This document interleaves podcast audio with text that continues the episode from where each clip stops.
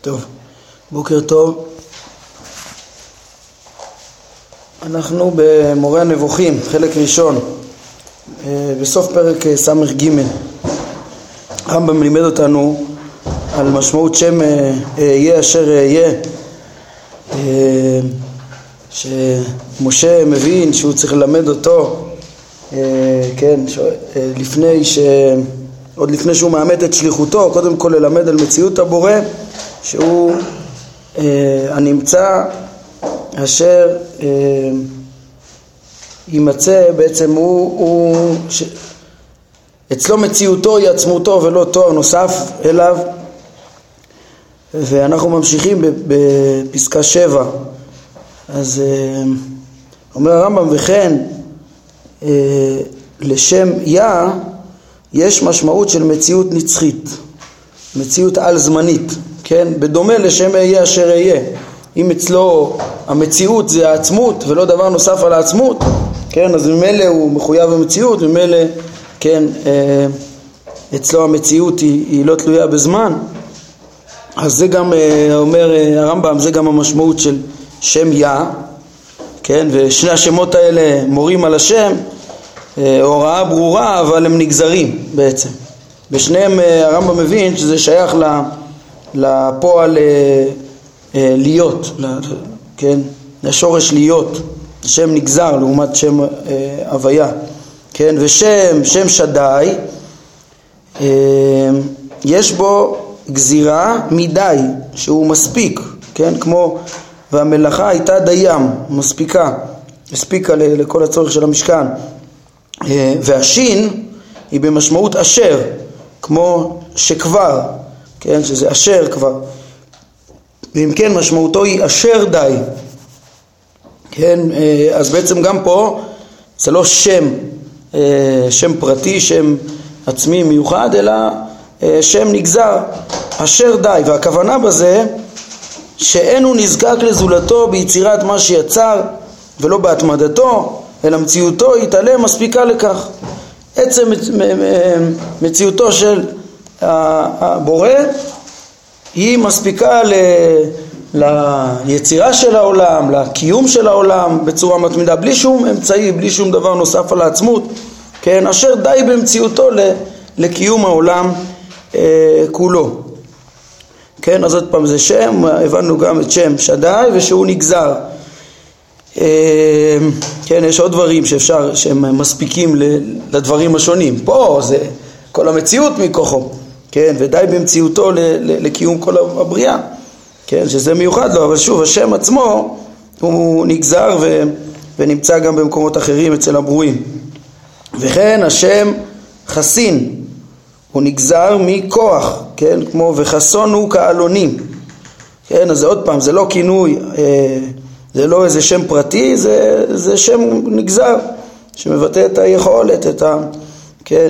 וכן צור הוא שם רב משמעי, כמו שבארנו בפרק ט"ז, כן, על בחינת, כן, צור זה, זה ראינו מכרה, אה, ובהשאלה, כן, בתור הראשית לכל מה שיוצא ממנו, אז גם הבורא הוא הראשית לכל הבריאה. אז שוב, זה לא שם מיוחד לו, אה, אלא אה, שם משמעותי מאוד, אבל שהוא גם מתאר את היחס שלו לפעולותיו כראשית הפעולות ולא מצד עצמותו, וגם הוא מושג נגזר. יש עוד צורים אה, שאינם כמותו, אבל הם צורים מבחינה הזאת, שהם ראשיות והתחלות למחצבים. הרי התבהר לך שכל השמות הם נגזרים, כן, אפילו אהיה ויה הרמב"ם לימד, כולם כן, חוץ משם אה, הוויה, כן, או שהם נאמרים בשיתוף, דוגמת צור ואמת, או צור ודומיו, כן, פה יש אה, ספק בנוסח המקורי, השאלה אם אמת זה, זה, זה, זה קיצור של אה, והמטלה, וכאילו, כמו לשון משל, כמו בארמית, ודומיו, כן, אז רק קיצור להמטלה, או שזה, שזה עוד דוגמה.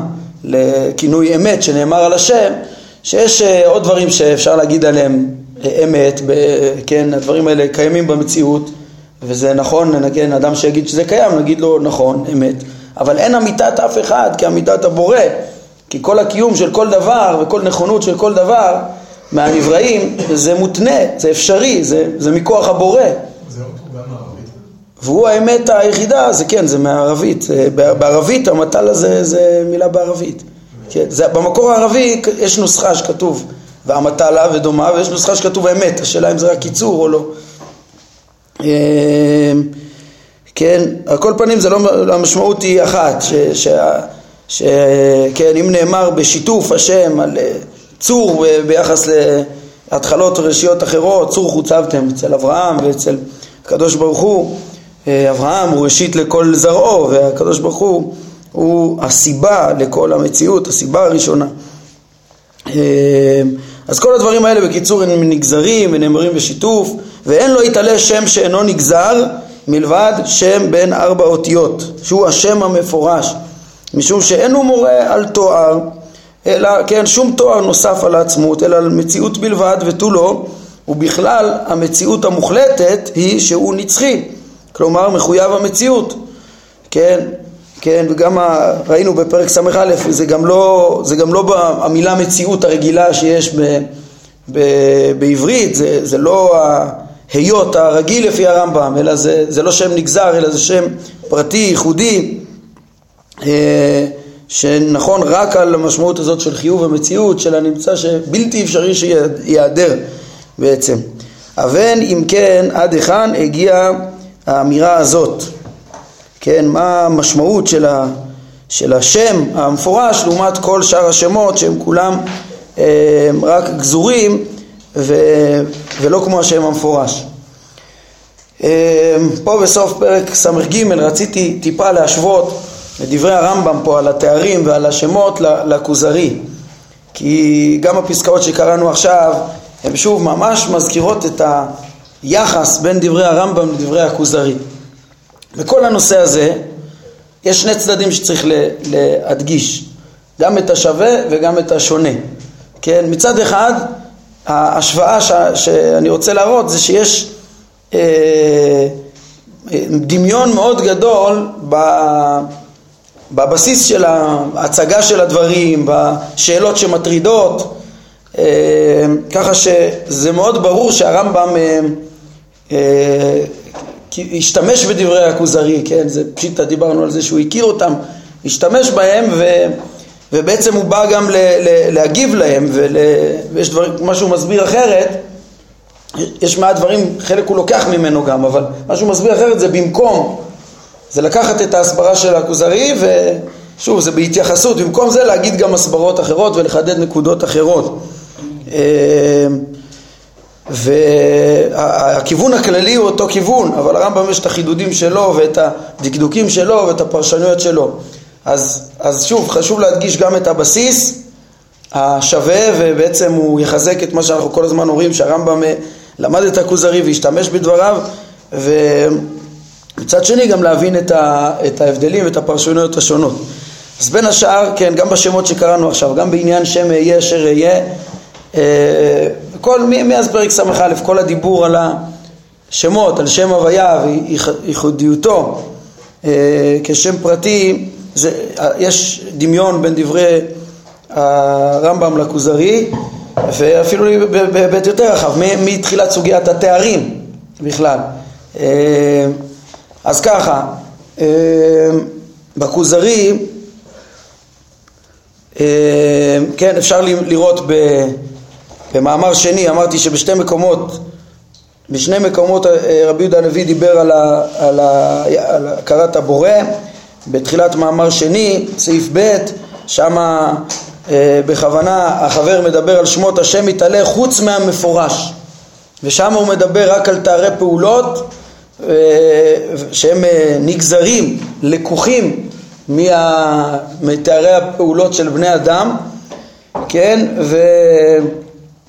וככה גם, אה, ותארים שוללים. אומר, כן, הכוזרי בעיקר אה, מלמד איך שכל התיאורים, חוץ מהשם המפורש, זה תארים שוללים או, אה, או תארי פעולות. כן. זה במאמר שני בסעיף ב'. כן, אז כל ההדגשה הזאת, גם הלשון הזאת, איך שהרמב"ם פותח, איך שהשם המפורש, הוא כל שמותיו יתעלה, המצויים בכתבי הקודש, כולם נגזרים מן הפעולות, כן, איך שהוא פתח את פרק ס"א, כן, חוץ משם אה, י' ו', שם המפורש, ממש בסגנון של הכוזרי ו- וקרוב בתוכן.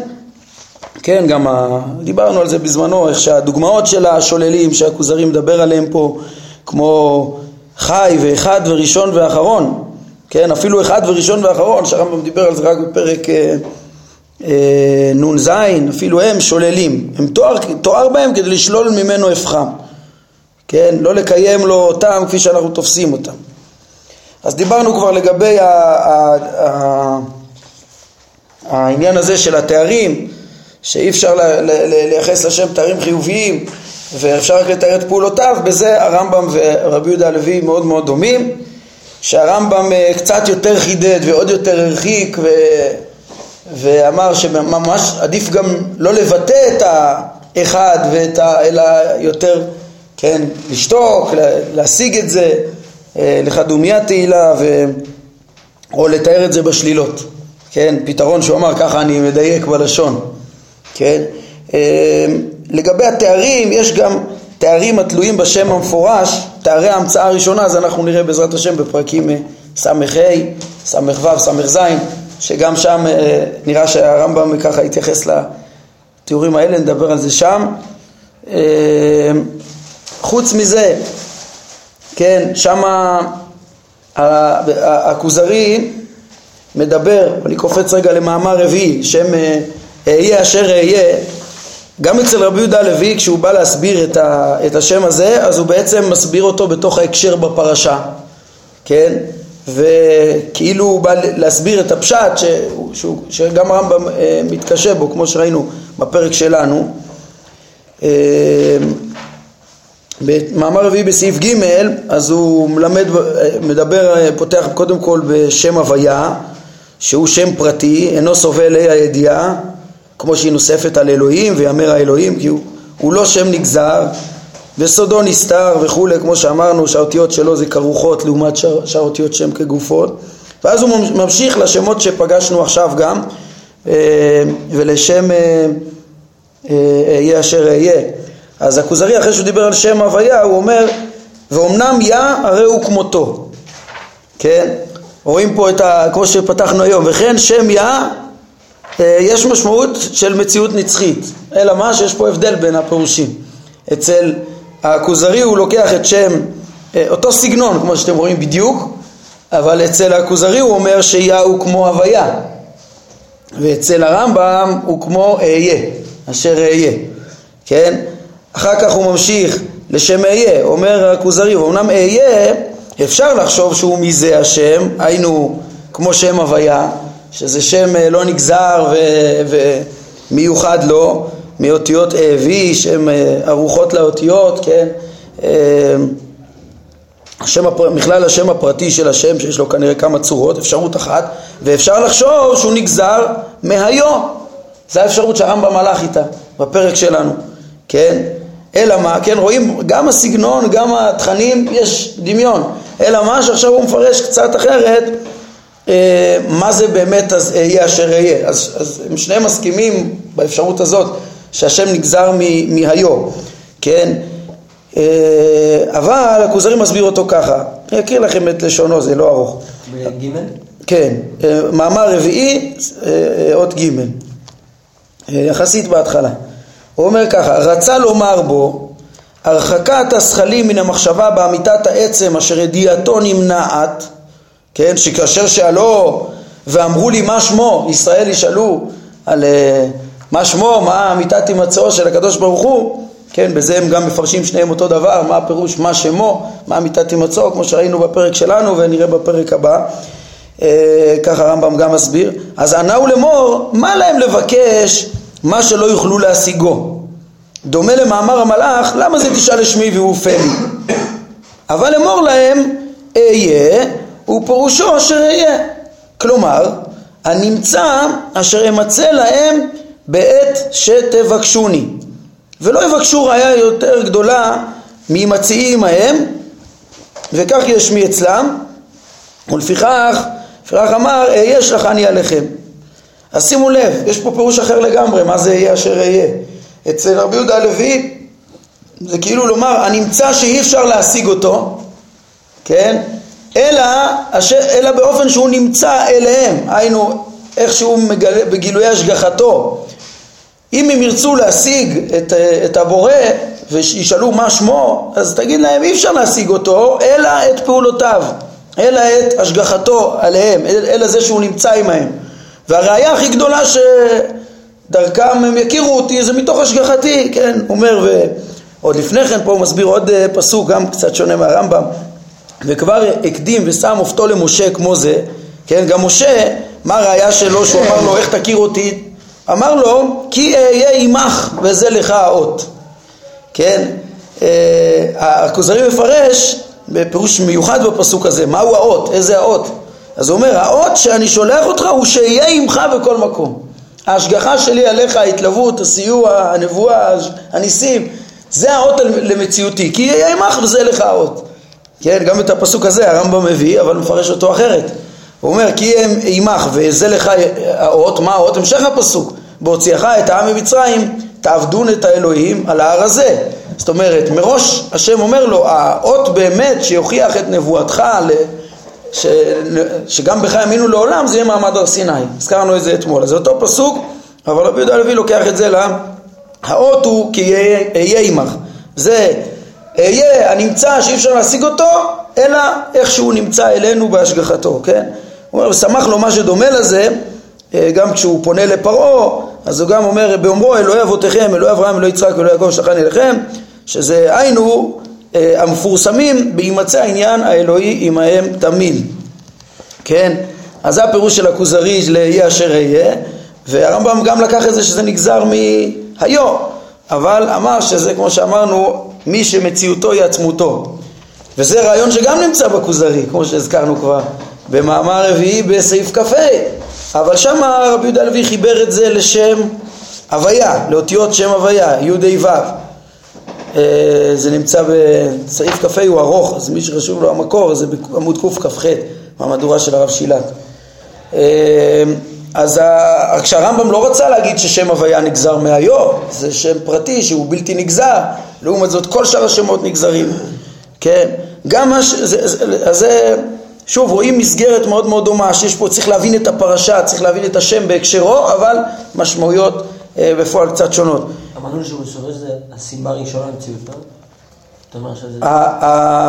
אז זה, כשהוא אומר שהאותיות הביא הם סיבת תופעת האותיות, הוא, בא, הוא הכניס גם את המשמעות הזאת. אצל רבי יהודה הלוי אמרתי המשמעות המרכזית זה ההתגלות האלוקית בשם הזה, הנבואית רק בשם הזה. ואם מחפשים עוד משמעות במילים זה מהווה. ועוד זה גם, אה, כן בהתחלה אולי לא ממש דייקתי בזה, זה שהוא לא רק מהווה אלא גם הנמצא שמציאותו היא אמיתתו, כן? אבל מה שבסוף רבי יהודה הלוי מוכן להגיד שזה שם נגזר, שם הוויה. הוא שם פרטי שבאמת אין לו הטיות וזה, אבל הוא כן יש בו את המשמעות של הוויה. ואצל הרמב"ם זה לא ההוויה שאנחנו מכירים בכלל, זה מחויב, זה חיוב המציאות, זה משהו אחר. כן, לעומת יהיה אשר אהיה ויה שהם אה, כן אה, מדברים על מציאות משורש היו.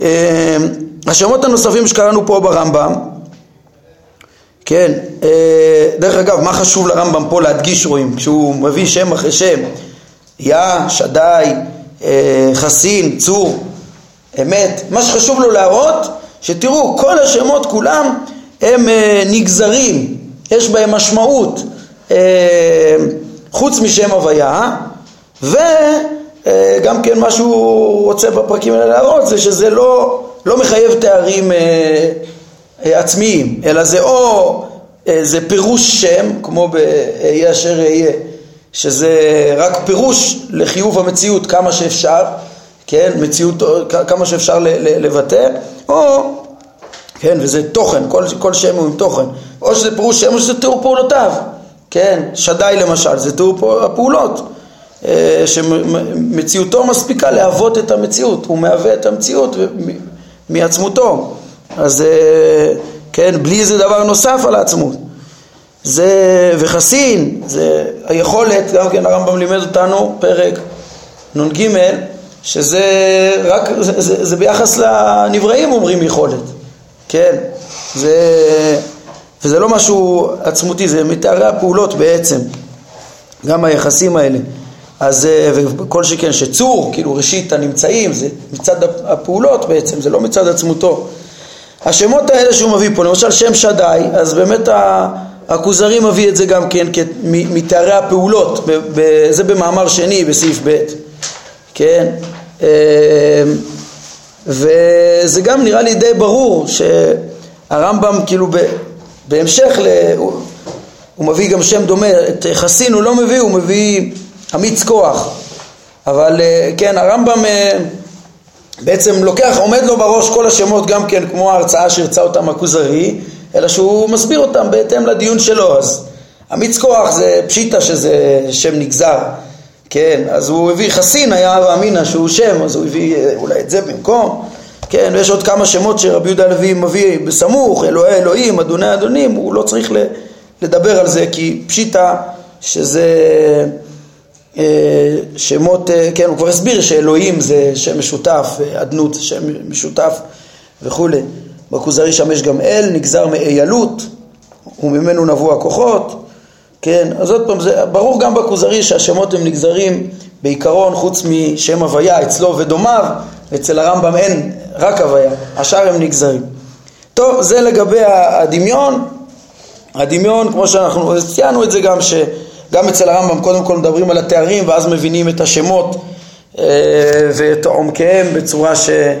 שמתאימה גם כן לכל ההפשטה שלומדים בתארים, שאי אפשר לתאר את העצמות וכולי, יש גם כן אה, בשיא ההפשטה בסוף שאי אפשר להשיג את השם, אז הרמב"ם אמר שהעצמות האלוקית כאילו מסנוורת.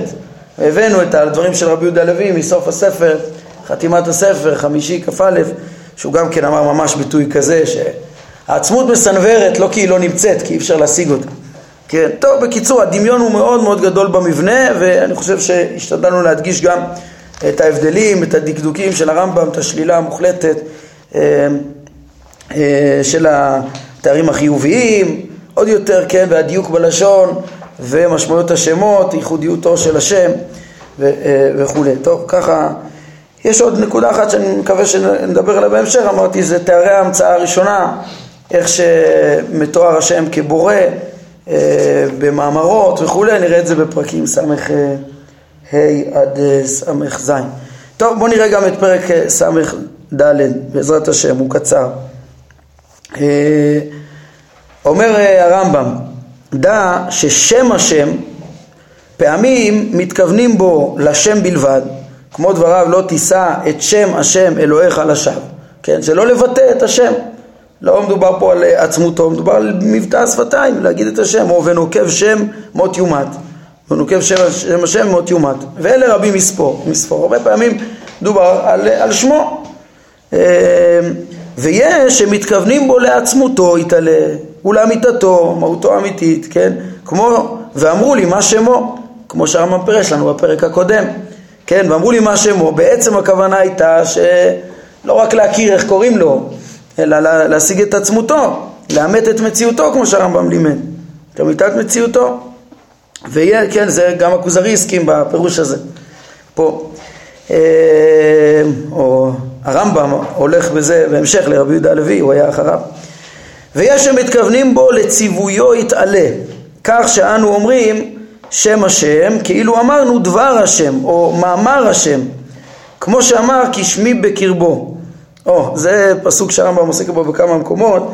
הנה אנוכי שולח מלאך לפניך, לשמורך בדרך, ולהביאך אל המקום אשר הכינותי. שמר מפניו, ושמע בקולו, אל תמר בו, כן, אל תמרה את פיו, אתם רואים, זה מופיע פה בביאור של הרב מקבילי, כי לא יישא לפישכם כשמי בקרבו. מה זה כשמי בקרבו? כן, כי דבריו נאמרים בפקודתי.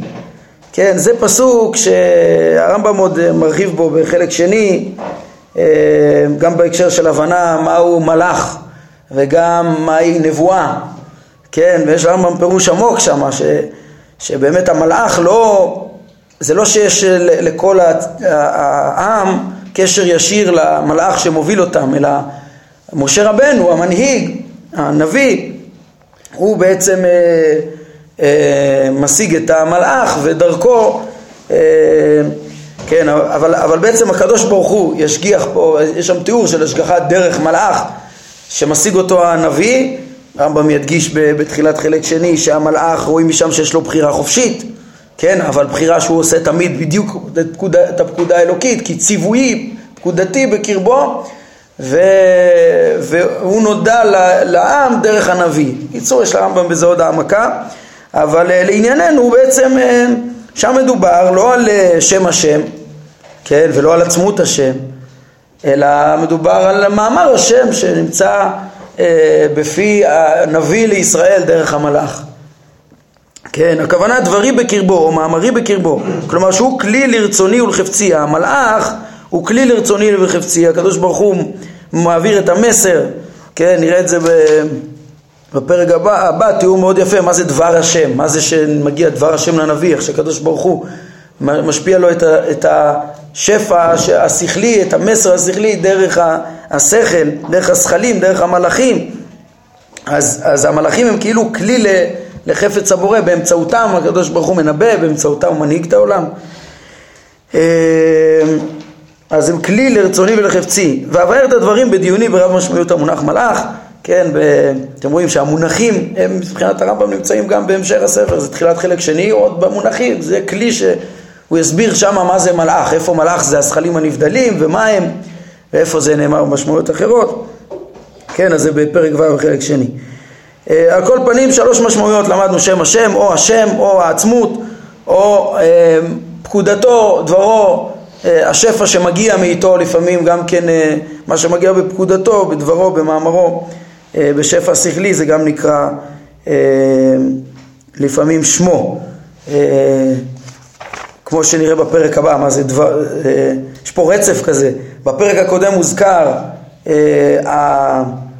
מה זה, אמרו לי מה שמו, רצף מתגלגל, כן, בהמשך לזה דיברנו על השמות ומה שמו, אז הרמב"ם אומר, תדע לך, שם השם יכול להיות משמעות של עצמותו, ואז הוא אומר, זה גם יכול להיות משמעות של דברו ומאמרו, בפרק הבא יבואר דברו ומאמרו, כן, אפילו בפרקים הבאים בעצם, ס"ו, ס"ה, ס"ו, הם בעצם עוסקים על מאמר השם, על האופן שהשם אה, נותן את מאמרו בעולם ובורא את העולם, משפיע בעולם. הדברים האלה, אז נבין אותם יותר בפרק הבא גם. כן? וכן כבוד השם, כן? אם מדברים על שם השם, אז גם ש, שיכול להיות עצמותו, אז גם כבוד השם ראינו כבר שיכול להיות עצמותו. אומר הרמב"ם, יש שהכוונה בו היא האור הנברא, שהשם משרה במקום מסוים לצורך רוממות בדרך של נס, כמו וישכון כבוד השם על הר סיני, וכבוד השם מלא את המשכן, כן? שזה היה אור נברא, כמו, ש... כמו פשוטו של מקרא ותרגומים, תרגום אונקלוס ראינו שהוא הרבה מדבר על כבוד השם, ויעבור השם, יעבור כבוד השם, יקרא די השם, וכבוד השם היה על הר סיני.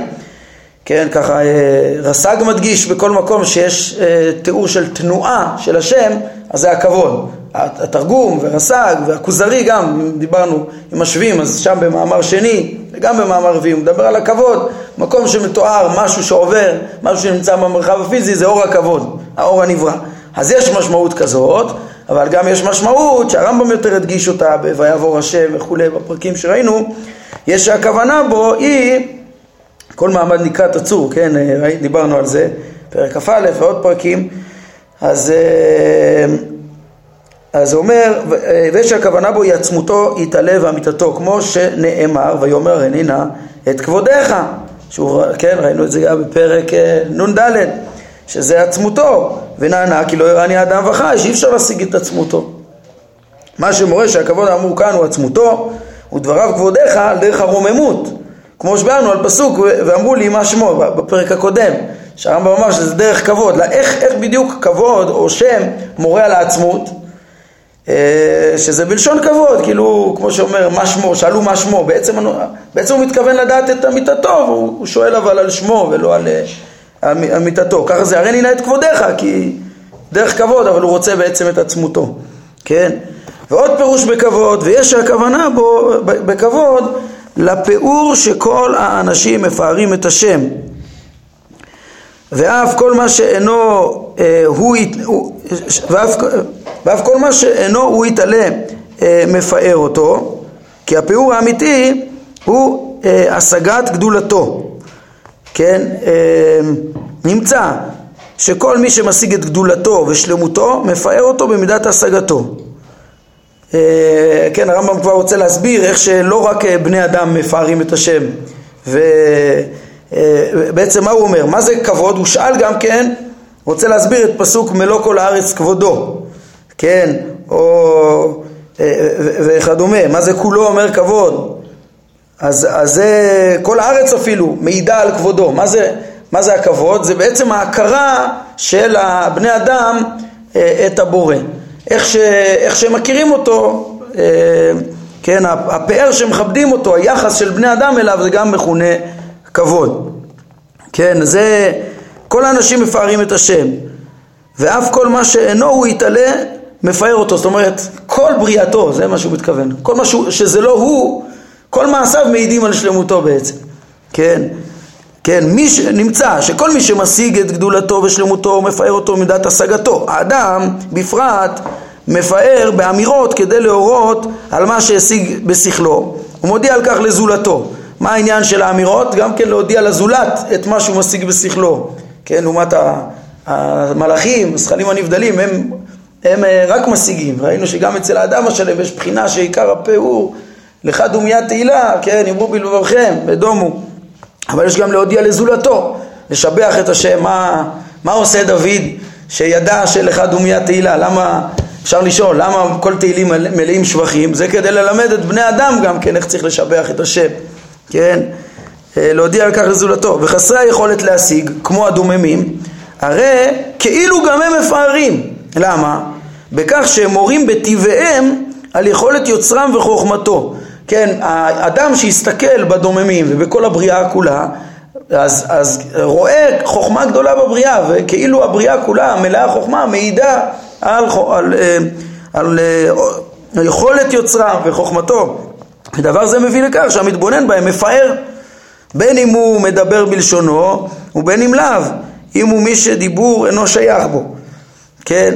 אה, והשימוש הלשוני בלשון העברית השתנה והתרחב בזאת עד שמשתמשים בלשון אמירה במשמעות הזאת ואומרים, כן, כאילו הרי שוב, האבנים והעצים הם לא מדברים ולא משיגים אבל החוכמה שבהם מעידה על אה, שלמותו של הבורא. אז, אז כאילו הם אומרים כבוד, אז, אז, אז, אז אפילו אומרים פה, כאילו הם אומרים, כן, ואומרים על מה שאין לו השגה שהוא משבח.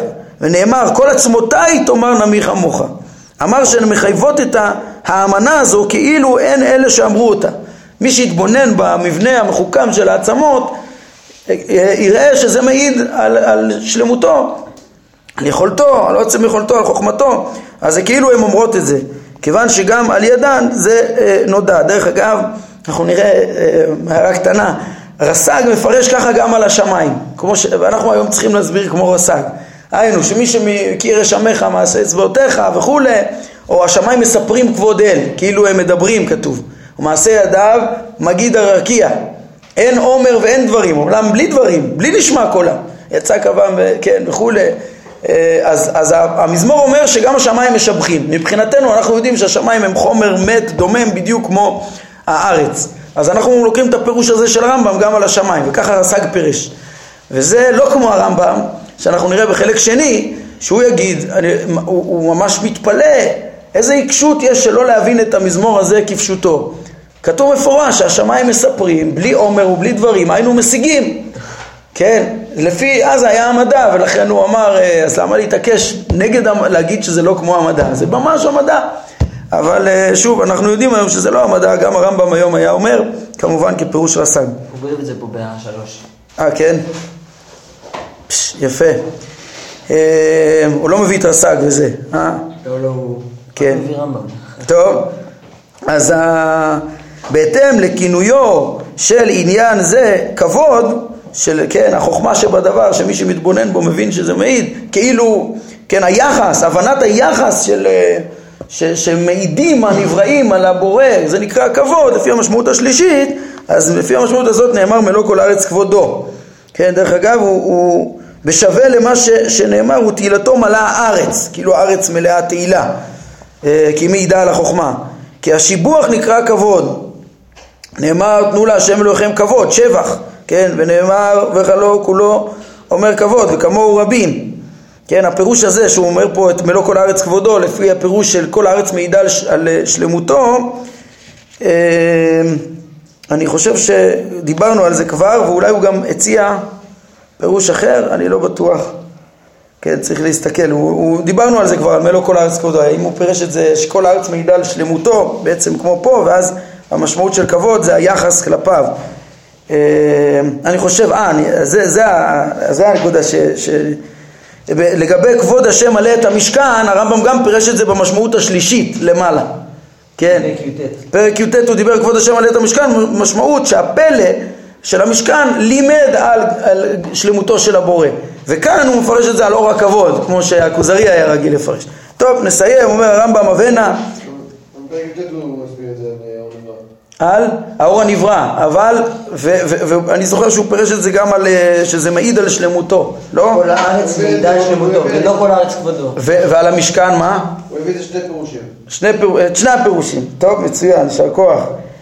אה, אבן זה גם את השיתוף הזה של כבוד, שם וכבוד, כן, ותפרשו בכל מקום לפי הקשרו, וכך תימלט מטעויות גדולות, כן, כבר ראינו את uh, המשמעויות השונות שלו גם במעמד נקרת הצור וכולי, עצמותו או האור הנברא וכולי, אז ראינו גם איך שהפרק הזה התגלגל מהפרק הקודם, מי ואמרו לי מה שמו והרי נא את כבודיך, זה בעצם, הם גם במשמעות של עצמות, גם במשמעויות השונות הנוספות שראינו להם. טוב, ברוך אדוני לעולם, אמן ואמן.